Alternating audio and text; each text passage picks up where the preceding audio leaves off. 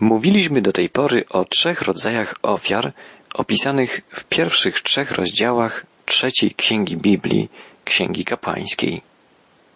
Te trzy rodzaje ofiar to ofiary całopalne, ofiary pokarmowe i ofiary biesiadne. W przypadku tych trzech rodzajów ofiar w czasie ich spalania wydzielała się za każdym razem, jak czytamy, miła woń dla Pana. Zauważyliśmy już, że oznacza to, iż ofiary te wskazują na Chrystusa, podkreślają Jego atrybuty, Jego cechy, wspaniałe cechy Jego charakteru, Jego osobowości, a więc, że malują obraz Jezusa Chrystusa jako osoby. Taka jest symbolika trzech pierwszych ofiar. Ofiary całopalnej, pokarmowej i biesiadnej.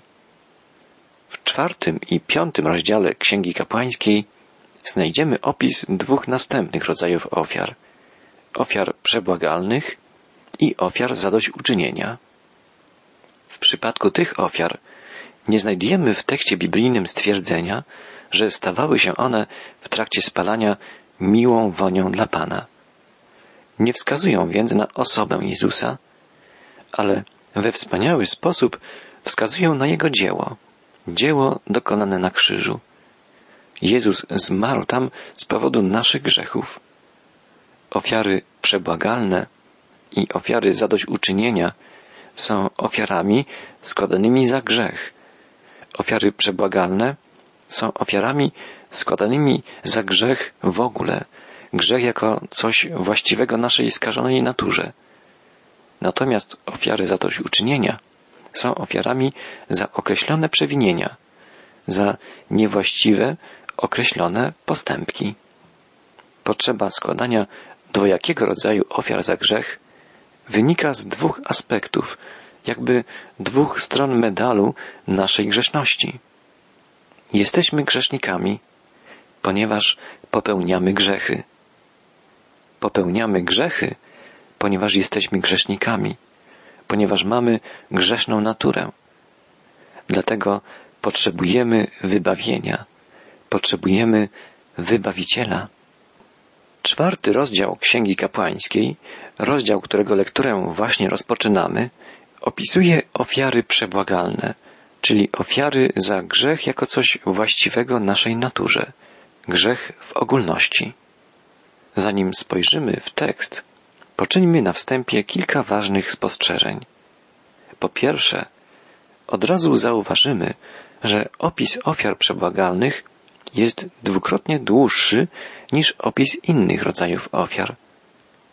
Autor Biblii, Duch Boży, najwyraźniej uznał, że dokładne opisanie ofiar przebłagalnych jest bardzo istotne. Po drugie, ofiary przebłagalne są zupełnie nowym rodzajem ofiar. Nie znano tego typu ofiar do tej pory. Nie ma w Piśmie Świętym wcześniej wzmianki o takiej ofierze.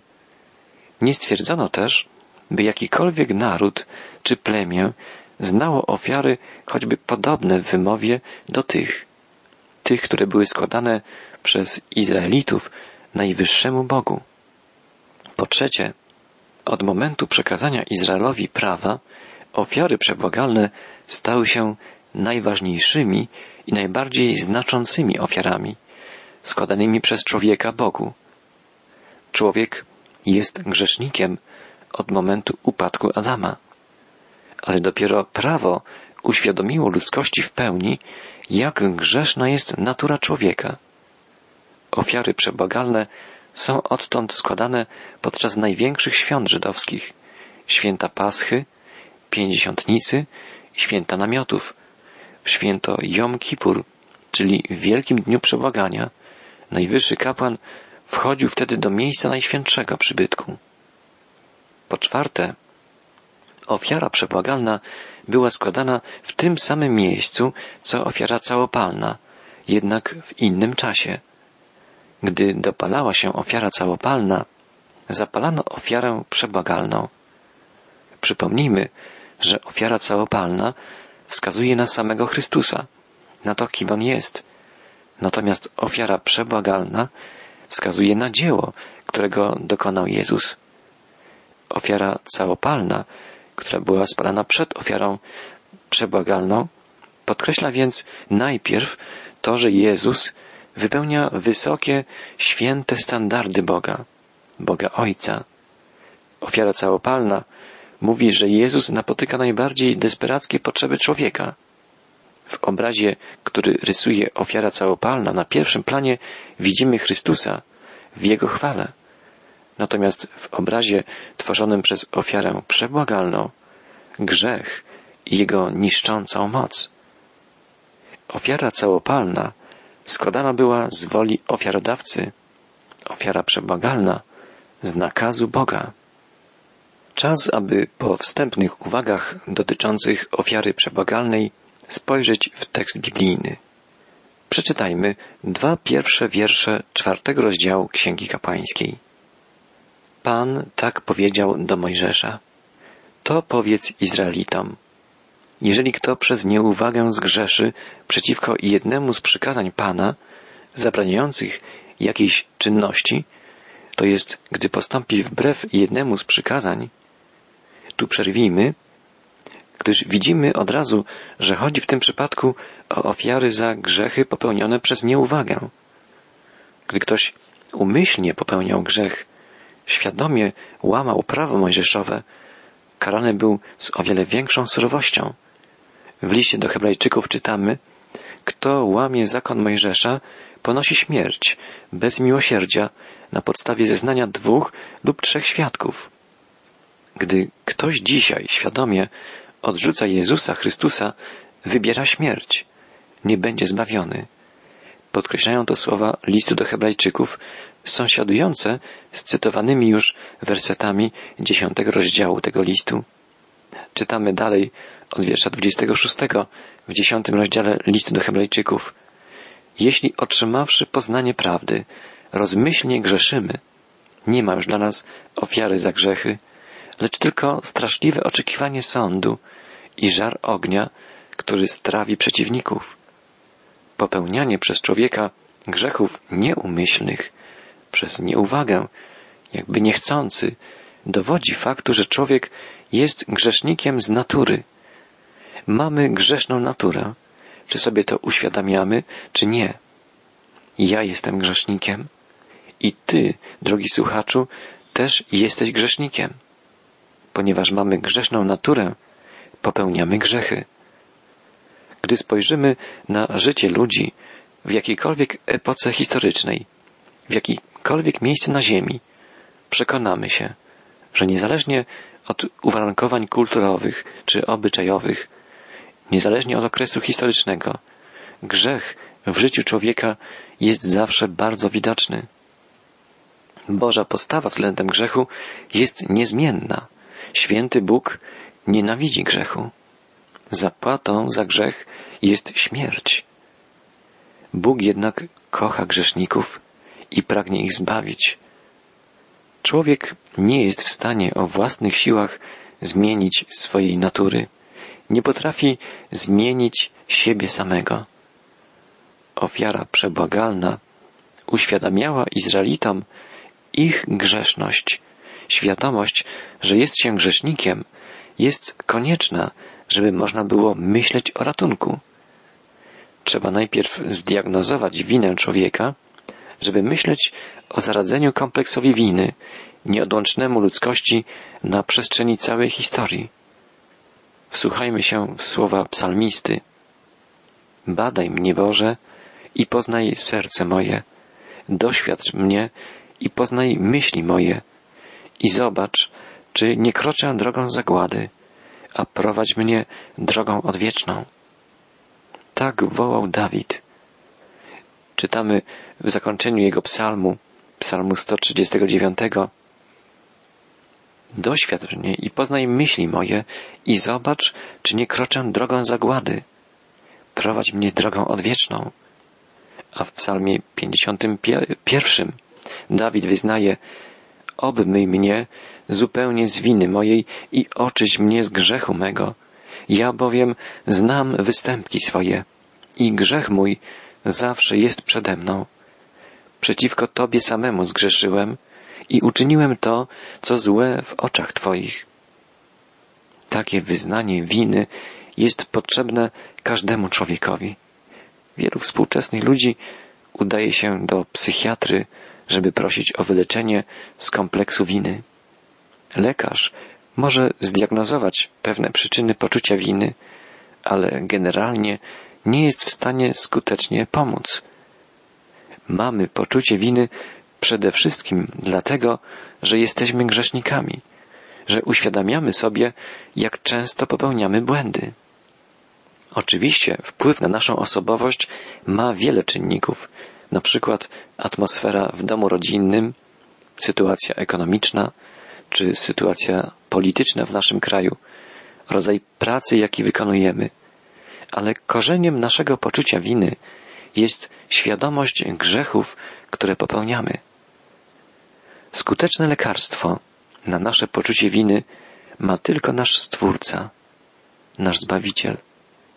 Zwróćmy się do Niego i poprośmy, badaj mnie, Boże, i poznaj serce moje, doświadcz mnie i poznaj myśli moje i zobacz, czy nie kroczę drogą zagłady, a prowadź mnie drogą odwieczną.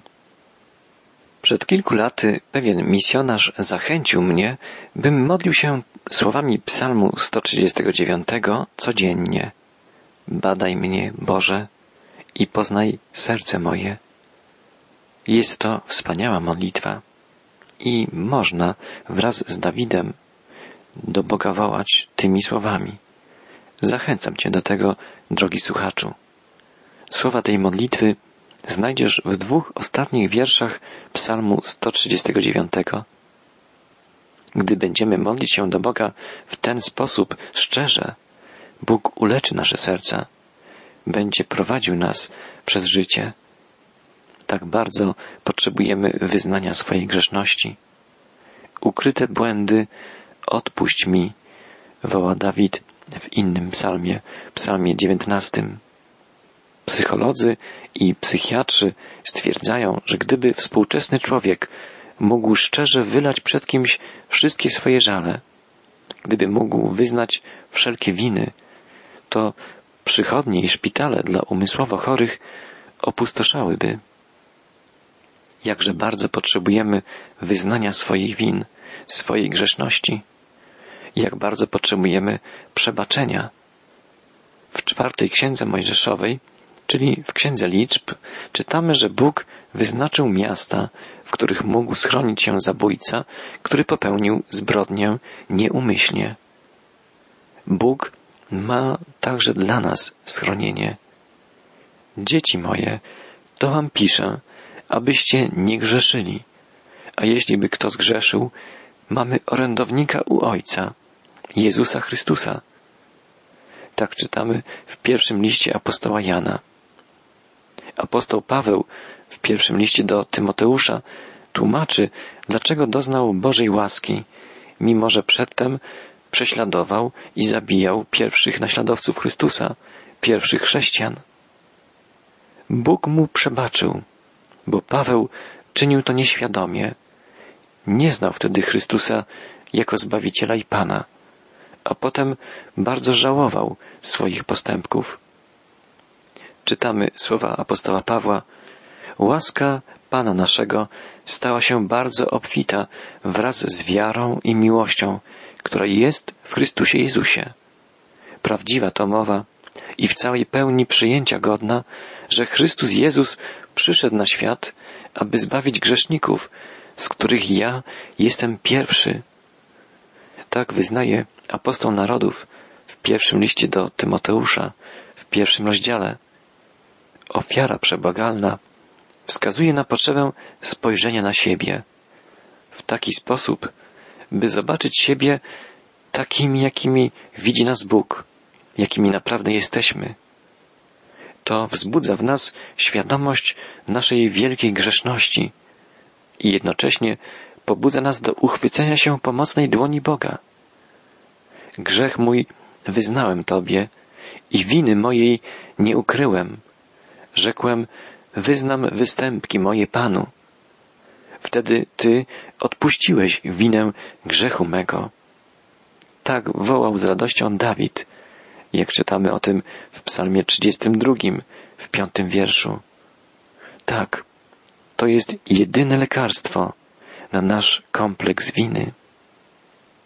Biblia uczy nas, że ofiary za grzech są niewystarczające.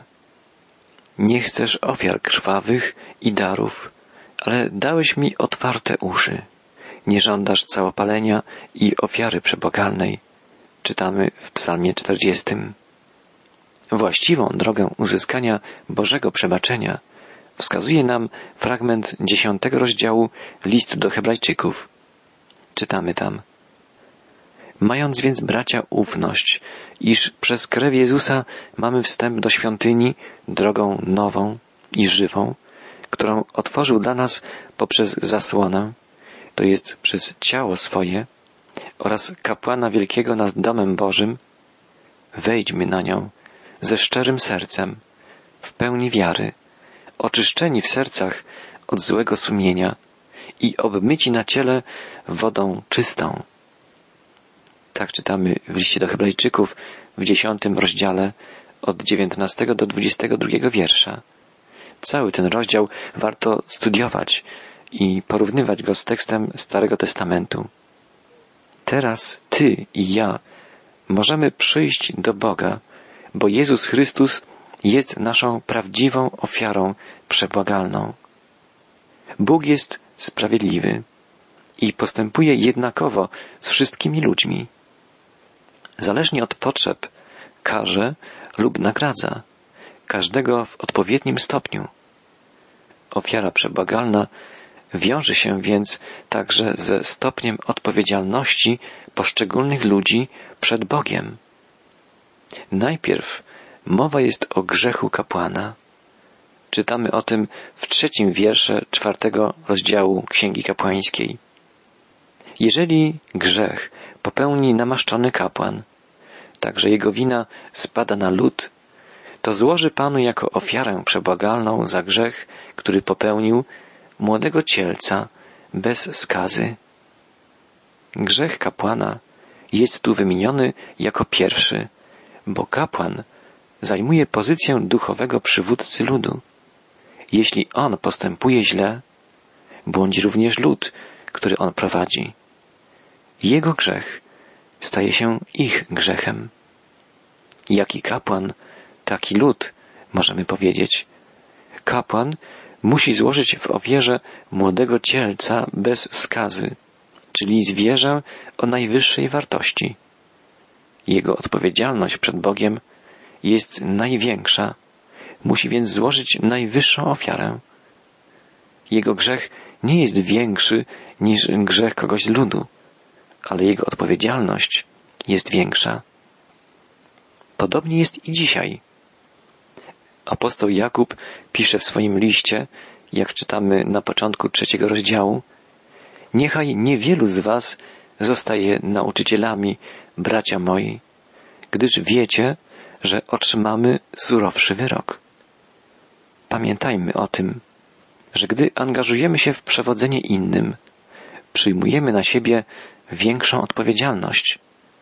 Bóg rozliczy nas osobiście z naszej służby. Zakończmy nasze spotkanie krótką modlitwą. Ojcze nasz drogi, dziękujemy Ci za wszystkich naszych przywódców. Prosimy o mądrość dla nich i o odpowiedzialność w ich działaniu. Prosimy Cię, Panie, uż nas wszystkich odpowiedzialności i mądrości. Prowadź nas i błogosław.